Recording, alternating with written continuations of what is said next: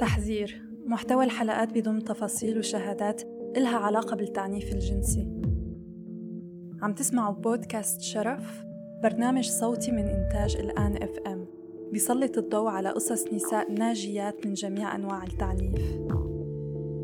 الموسم الأول رح يركز على التعنيف الجنسي. قصص عادية من كتر انتشارها.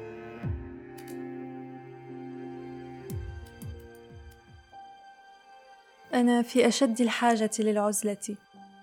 أحتاج بأن أشعر بانتمائي لنفسي. هالجملة من الكاتبة البريطانية فيرجينيا وولف اللي اشتهرت من خلال كتابها غرفة تخص المرأة وحده؟ تتكلم وولف عن أهمية مساحة خاصة لكل واحد فينا وكم هالمساحة إلها تأثير علينا وعلى إنتاجنا وعلى راحتنا النفسية ونجاحاتنا. بالأخص كنساء. بهالحلقة كتير رح نتكلم عن الأبواب والخصوصية. والإحساس بالأمان اللي المفروض كل الأهالي يوفروه لأطفالهم. رزان امرأة بآخر العشرينات. يمكن أهم تفصيل بحياتها اليوم الحاجة بالأمان والأبواب المسكرة.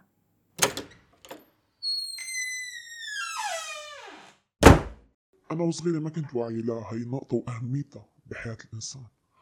لما كبرت صرت أوعى وعرفت قديش مهمة هالنقطة لما تتشكل بالبيت اللي هي الأمان. إحساس الأمان. يعني أكيد نحن قاعدين بين حيطان وعنا أبواب عم تتسكر بآخر الليل بس ما في أمان. لأنه الأمان هو شعور نفسي أكثر ما إنه مادي. فأنا كانوا أمي وأبي أشخاص ما قدروا يعطونا هذا الأمان.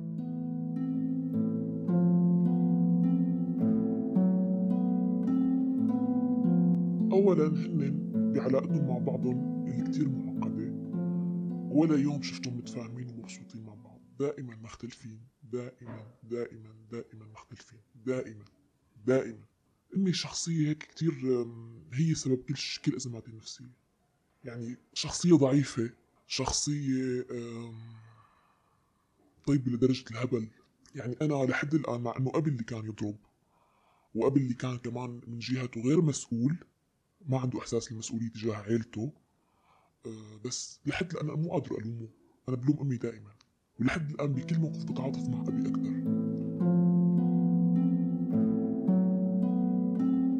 من وجهة نظر رزان كل اللوم على والدتها. أكيد استغربت.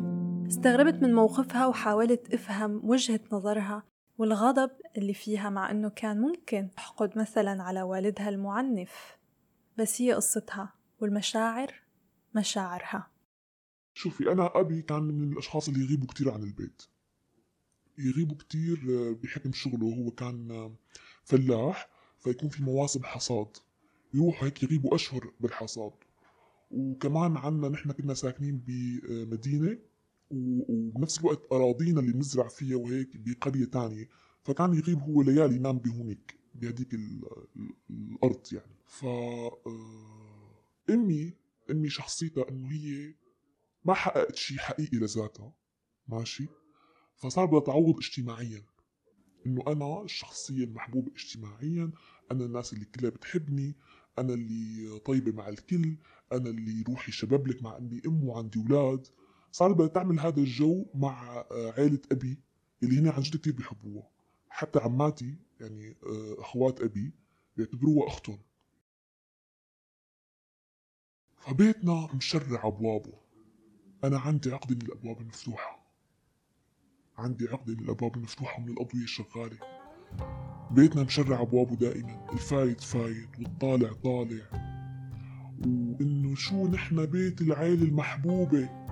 وإنه شو نحن ببيت أمي يعني. إنه بيت اللي بنرتاح فيه وإنه أنا هذا الشيء طفولتي ما كنت فيه قديش بشع. بس شوي شوي على كبر لما كنت عم بكبر وراهق صرت احس قديش هذا الشيء مزعج. إنه الناس كلها من حقها تتدخل بحياتك. لأنه أبي بيغيب دائما لأنه أبي عنده هذا الجزء عدم المسؤولية. فكل الناس صارت تفوض حالها إنه نحن فينا ندخل بهذا البيت. يمكن أكثر اعتقاد خاطئ وظالم بيعرض للخطر كثير من الأطفال هو إنه كل أفراد العائلة أو حتى الجيران مصدر للأمان والثقة. أكيد ما حدا بيحب يشك باللي حواليه. مشان هيك واجب علي عيد وذكر إنه 80% من المتحرشين أو المعتدين هن من الدائرة المقربة للضحية. كان بيتنا الوحيد اللي بين البيوت هيك. يعني أنا عندي عمامي كل نسوان عمامي ضابطين بيوتهم وقاعدين. ما حدا بيخترق خصوصيتهم. ليش نحن بيتنا بس؟ كلياتنا قادرين نكون اجتماعيين بمطرح مع بعضنا ونجتمع ببيت التيتة مثلا. بنفس الوقت لما نفوت على بيوتنا كل حدا له خصوصيته. وهذا الشيء صح برأيي. الأم هي اللي بتضب البيت والأم هي اللي بتعمل الخصوصية لبيتها والأم هي اللي بتكنكن على أولادها. هيك بتحسسهم بالأمان وبالدفى لما بلشت راهب خصصت غرفة لحالي بالبيت وصرت دائما بقفلها دائما قافلتها دائما قافلتها هيك أنا قاعدة فيها. بدي أحس بإلي ركن هيك صغير. هلأ بوقتها ما كنت واعي إنه أنا عم بعمل هيك مشان هي النقطة. لليوم أنا عندي عقدة باتجاه البيوت وأشكالها وكيف إنه بتكون مكنكنة البيوت. لليوم كل ما أشوف يعني لليوم تلفت لي نظري العائلات اللي هيك عاملة جوا ببيتها وقاعدين مكنكنين مع بعضهم وهيك. دائما هذا الموضوع أول شيء بيلفت لي نظري بال... باي أشخاص بتعرف عليهم. أنا ب... عملت هالخصوصيه بغرفتي أه بس ما بيمشي الحال لحال هذا الشيء. يعني بده يكون الجو كله العام آمن وفي خصوصية. واللي انه أمي كمان كانت أخذة style إنه هي الأم ال cool المتحررة يلي إنه هي بتسمع أولادها. أنا مثلا هلأ بفضل الأم الصارمة على الأم المتساهلة. هلأ أنا هلأ بقتنع إنه هذا الدور لازم يشيلوه اثنين مش الأم لحالها. يعني لازم الزوج والزوجة الأب, الأب والأم إنه يشيلوا هذا الدور سوا. أنا ما ما رح كون متساهلة مثل أمي بس ما رح كون صارمة كمان. يعني بسعى إني يكون هيك إنه أترك الشخص على طبيعته. بس المهم تحس بنتي دائما إنه في ملجأ لإلها. في حديث لا لا بتضايق منه كل ما أتذكر. إنه شلون بتحكي بنتك هيك شيء يعني شلون بتحكي بنتك هيك شيء إنه مرة قالت لي إنه ماما أي شيء بيصير معك حب شب حكاكي شب حب يتقرب منك حدا ضايقك قولي لي ما تخافي أنا رفيقتك وفعلا هذا الشيء كان طمني وأنا فعلا بحكي لك اشياء بس مو كل شيء يعني مو كل شيء الشيء الخطير ما حكيت لها ما رح تحميني. وتورطني معه. اللي قالت لي مرة ماما هذا كان عمري حرفيا 14 سنة. كنا مرة بحفلة عرس آه، أعراسنا نحن بمدينتنا هيك مختلطة. بصير في رقص بالساحة بين الشباب والصبايا وهيك. فأنا هيك بالعرس لفتت لي نظري وحدة. هيك كتير حلوة. آه، وجسمها حلو. وعم ترقص هيك بطريقة كتير مغرية. والكل هيك حابينها وحابين يرقصوا معها. هي أكبر مني بكتير يعني. هي مرة. انه أنا بعمر 14 شايفتها هي مرة. يمكن هي كانت صغيرة. فتاني يوم هيك صار حديث عنا عنا بالبيت. إنه أنا لماما مين هي اللي كانت لابسة هذا اللون الفستان الأخضر وعم ترقص هيك؟ قال هي والله ما بعرف ماما. هيك قالت لي قلت ليش هيك إنه كانت حلوة هيك؟ قالت لي هي والله برافو عليها. بتعرف كيف تحبب الواحد بحاله ومدري شو. سيرة هيك جرت سيرة قامت تقول لي المرأة لازم تكون المرأة لازم تكون بمعنى إنه يعني هلا رح لطف الكلمة إنه سكسي يعني ولازم تكون هيك لهلوبة. خصوصا بالفرشة. وتعرف هي كيف تغري الرجل؟ آه، بطريقة هي هيك إنه آه، تخليه بمعنى يدوب فيها أو هيك يعني. المرأة لازم تكون حتى لو كانت هي موضعة بالمجتمع هي إنسانة راقية وبتشتغل وكذا لازم بس بالفرشة تكون لهلوبة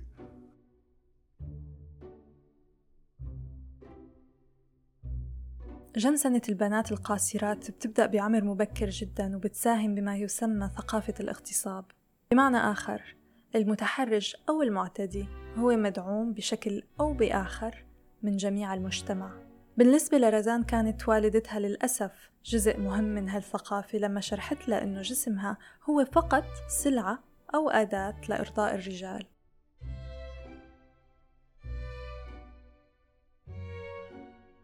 مثل معظم النساء اللي قبلوا يحكوا لي قصصهن رزان بدت تشرح لي إنه اللي صار معها ما كتير مهم وكبير مقارنة بكتير من القصص. تصغير التعنيف والصدمات اللي منمر فيها كنساء شي شائع وبيشارك بقانون الصمت. المهم خليني أحكي لك شغلة على إحساس عدم الأمان والمسؤولية. هلأ هون امي ما فيني لومها كثير لأنه مثل ما قلتي جو عيلة بيوت حظ بعضها آه، أقارب. فأمي ما كانت إنه تفكر أو تشك بحدا من العيلة يعني. بس هي لازم تدير بالها كانت. كان عندي قرايب ما رح سمي الصلة بالضبط كان عندي قرايب آه، أكبر مني هو ب بست سنين عمليا. ست سنين أنا لما كنت عمري ست سنين فهو عمره 12 سنة. هو أمه كانت تغيب عن البيت وأبوه كان أساسا غايب كمان ما رح أذكر سبب الغياب. وأنا أمي بالبيت. في عندنا نحن هيك مثل يعني بيوتنا حد بعض وفي شيء هيك مثل قدامهم بيجمعنا كلنا يعني مثل ساحة. نهارنا كله نقضيه بهي الساحة يعني هيك بنلعب. ونتعلم يعني لعب وركض أولاد يعني أولاد العيلة كلها. فهذا القرايب كان يستغل غياب أمه عن البيت وأخواته عم يلعبوا برا وأمي جوا ملتهية بالبيت وهيك وإنه هي مأمنة علي بين ال... بين القرايب كان يأخذني لعندهم على البيت ويقعدني. أول شيء إنه أنا يعني مأمنة قرايبي هذا قرابة درجة أولى عرفتي؟ ف لا لا بتذكر كيف كان يبلش معي. يقول لي انت إذا شفتي خالتك كيف بتبوسيها؟ لما بدك تسلمي عليها. قلت له كيف يعني كيف بدي بوسها؟ بوسها عادي هيك. قال إيه كيف تبوسيها أرجيني كيف تبوسيها فأنا هيك بوسته بوسة الخد اللي بوس بسلم فيها على خالتي مثلا. قام قال لي طب بس انت بتعرفي كيف الزلمة والمرأة بيبوسوا بعضهم؟ قلت له لا. قام اجى قال لي مو على الخد على التم. قام قلت له بس أنا ما ببوس حدا على تمه. قام قال لي بس أنا هيك حاب أقول لك كيف بيبوسوا بعضهم زلمه ومراه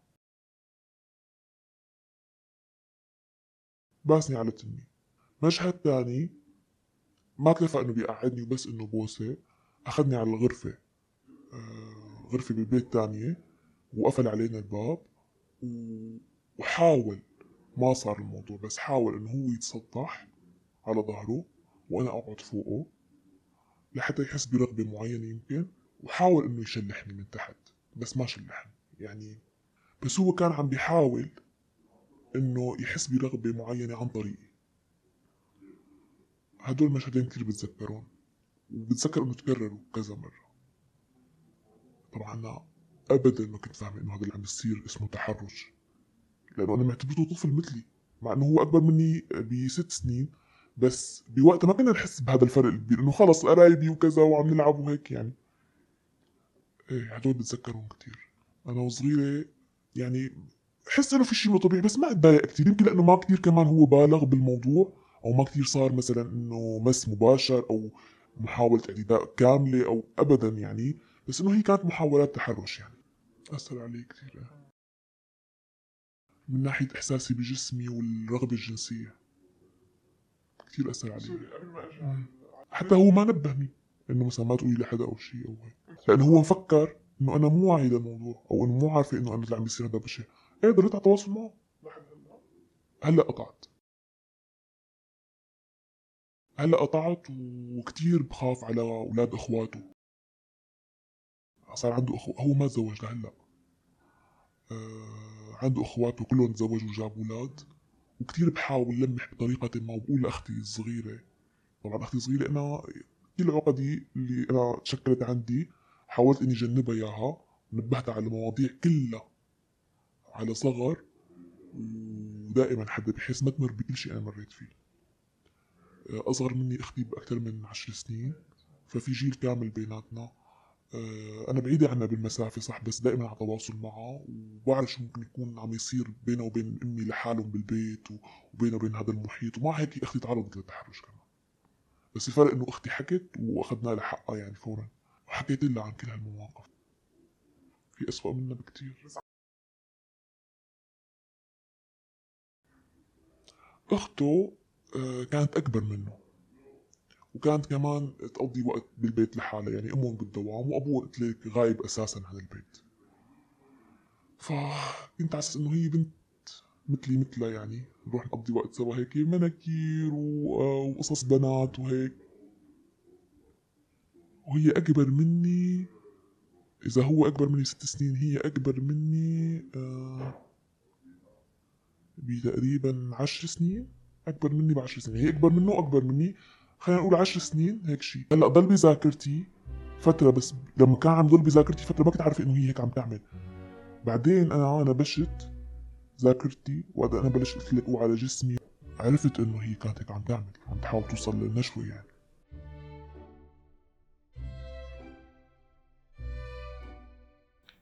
مع الأسف صدمات رزان ما توقفت.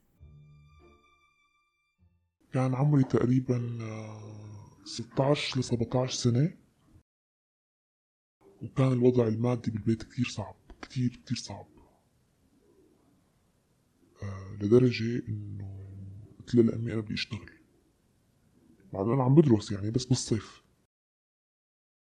فأمي كانت هيك على علاقة يعني مع كيف على مو على علاقة إنه علاقتها طيبة بأصحاب محلات بالسوق بحكم هي كانت تحب تخيط.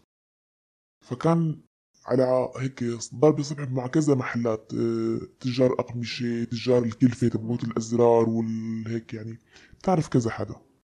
ففي واحد منهم قال له والله في ورشة آه، جنب محلي فتحت آه، ورشة هي تصنيع أحذية بس هي بيشتغلوا بهالورشة بهالورشة جزء مرحلة من مرحلة الأحذية اللي هي ترتيب الجلود وقطع معينة للأحذية وهيك. فإنه بده بنات يشتغلوا معه. قام قلت لي قامت لي همي هيك فيك قلت لها بدي أشتغل معلش. صرت داوم بهي الورشة خلص دوامي وأنا وطالعة لوين مر لعند صاحب محل الأقمشة اللي هو اللي دل أمي على هاي الورشة وقال لها إنه فيها بنتها تشتغل فيها. إنه هذا عمو فلان هو اللي دلنا على المحل إنه هيك تقديرا لإله أنا أمر أسلم عليه وهيك. يوميا مر لعنده. صار كمان هو إنه إذا ما مريتي ليش ما مريتي لعندي؟ زلمة علي وهيك فوت لعندهم على المحل. محل كبير محل أقمشة وهيك وعنده صنايعية وعنده هيك هو قاعد هيك اشرب شاي اقعد شوي بعدين روح على البيت. بعدين هو صرت أحسه إنه هيك يعني إنه بده يعني مر يعني بده يعني مر هيك يحب يحكي معي يحب هيك مع إنه أنا صراحة ما كنت حلوة. يعني أنا ما إيه يعني ما كنت حلوة وحتى جسمي عادي وشكلي عادي وهيئتي عادية جدا. ماني من البنت المغرية يعني عرفتي؟ قد أبي هو قد أبي. آه أنا كنت بحاجة اهتمام كمان. بحب حدا يهتم فيني دائما. يعني بحب اللي بيحسسني بأنه هو بيعرف قصصي وتفاصيلي وطلعت وفاتت وإجت وراحت. وكنت بحب أحس حالي حلوة. فمرة بتذكر آه، رحت على البحر مع خالتي قضينا كم يوم هي وابنها وأنا. آه، انبسطنا فيهم كتير هيك قضيت خمس هي خالتي حبت تاخذني معها أنا بنت أختها يعني هيك. قضينا فيهم كم يوم ورجعنا وأنا تصورت كتير صور حلوة بالبحر. وقت هدول الكم يوم يعني إنه عطلت فيهم عن الشغل. فلما رجعت ورجعت داوم بهي الورشة أو يمكن ما رجعت داوم ماني بتذكر تفاصيل المهم إنه أنا بتذكر إني أنا تركت الورشة هي وضليتني صاحبي مع صاحب هذا المحل. بتذكر إني جبت الصور وكان في صورة منهم بالمايو. أنا متصور المايو عن جد هي حلوة كتير الصورة. لهلأ عندي بحبها كتير. فهو إنه اخ عجبته كتير وحبها وشو هالجمال. ما شاء الله عنك بده يحتفظ فيها. وأنا مثل الهبلة خليت له إياها. خليت له الصورة. طبعا بعدين استرجعتها بأسلوب يعني معين بالكذب وهيك. استرجعتها لأنه خفت كتير. كتير خفت. إنه شو الصورة عنده بالمايو إلي؟ والمفارقة كانت إنه هو كان عنده شاب صناعي كتير حلو. ضمنيا هو اللي عاجبني. مو هو. مو هاد الزلمة الكبير. عرفت شلون؟ الزلمة الكبير ابدا ما أبي أبي يعني مثل أبي. بس مهتم فمرة صار يوصلني على البيت بعدين بالسيارة. قد ما اسلوبه خبيث ما يوصلني على باب البيت. يحطني براس الشارع إنه هو ما بده أحد يشوفني معه. هي أنا عم بحكي لك شغلات عالقة بالذاكرة كثير صار مواقف يعني. توصيلة حديث قعدة كان محله طابقين كمان محل هيك طابق مكتب عادي وتحت أبوه كمان. الابو كمان مثل كأنه محل كتير كبير وواسع والناس بيفوتوا لتحت ويعني مثل محلين. ف صار بعدين يحكي كتير حكي خاص هيك يتغزل ويحكي ويهتم ويرجيني إنه أنت هيك آه، بنت حساسة وحلوة ولازم أنت تنحطي بالعين ومن هالحكي هذا وهيك. يعني هي ال... كأنه عرف نقطة ضعفي إنه أنا بحاجة هذا ال... هي المحبة والاهتمام وصار يعطيني إياهم. بس أنا ماني مرتاح يعني هيك قرفان عرفت شو؟ بس إنه إيه أوكي. بذكر إنه لي هي شقة أختي مسافرة هلأ هي وجوزها. مأمنيني عليها إنه كيف بلش الموضوع؟ إنه هيك حاب هيك عم نقعد بالمحل عم يفوتوا هالعمال والصناعية والزباين عم يقطشوا لنا أحاديثنا اللي كتير مهمة اللي عم نحكي أنا وانت زلمة عمره ما بعرف قديش وأنا ما بعرف شو عم نحكي يعني أحاديث مهمة يعني. مسخرة بمسخرة عرفتي هو هيك كان عنده حس شاعري شعري بحب يقريني شعره. إنه بدنا نقعد هيك لحالنا ليش ما نقعد لحالنا وهيك؟ وأنا رحت رحت معه بالسيارة على الشقة الفاضية. إيه وهيك يعني صار. الاعتداء مش بالضرورة فرض علاقة جنسية بالقوة الجسدية. كتير من الدول عبر العالم بتعرف الاغتصاب مثلا باستغلال أو سيطرة نفسية أو عاطفية. رزان ما اعتبرت حالها ضحية لسنين طويلة لأنه ما طلع بإيدها تعبر عن رفضها. بس عدم الرفض ليس القبول. وبالأخص لما العلاقة تخص رجل كبير بالعمر له سيطرة مالية ونفسية على فتاة قاصرة. أمي آه لما كنا نمر بضيقة مادية كانت كتير تأوفر وتحكي الموضوع. يعني ما قلت لك آه عدم الأمان ممتد معها لحد لهي النقطة بالضبط. تحكي إنه ما معنا ما هيك يعني تكبر الموضوع مسؤولة. وإذا بدي ومزن بحد بهالموضوع إنه يا أهلي ما معهم مصاري وهلأ مارقين بدي أو هيك. أمي كثير كثير بتحكي بالموضوع إنه إيه خلي أبوكم إيه ما بعرف شو إيه ما معنا إيه مدري شو. كثير يعني لدرجة إنه ما بصير ما بصير. الطفل ما بصير يحس بهالأزمة. خلص يا كنكني عليه وضبط بيه وانت تصرفي باللي فيكي ووعيه بطريقة إنه نحن هي إمكانياتنا هي كذا. لا ما في داعي. أكيد التعنيف الجنسي ما بيستثني دين أو طبقة اجتماعية. مع ذلك الوضع الاجتماعي ممكن يزيد من مخاطر التحرش أو الاعتداء. فكنت شايفة في هيك قوه ماديه هو كان كثير غني هذا الزلمه شايفة في هي القوة المادية اللي ممكن مع إنه هو أنا ما ما قدرت احصل الفرق لأنه هو بخيل بخيل. بخيل معروف أصلا إنه بخيل. بس كان عندي يمكن أمل. من بعدها بعرف شو القرف. القرف يعني اللي إذا بتخيل شكله ممكن استفرغ. قرف يعني بطريقة فظيعة. وهيك وصرت عامله بازدراء باحتقار يعني وصلت له رسالة إنه أنت واطي إنه أنت مستغل. ممكن تكوني أنت بباركينج أخذ مكان لسيارته وبده يطلع وشخص ثاني ناطره لأنه في عجقة مثلا ما في باركينج ناطره ليطلع. فباللا شعور الشخص المنتظر ليطلع بيطول. بيطول هيك بصير يعني إنه بتحس إنه هو صاحب سلطة على هالمكان وأنا اللي بتحكم بهذا المكان وأنا اللي بطلع إمتى ما بدي وإنت بدك تنطرني لأنك إنت اللي بحاجتي هلأ.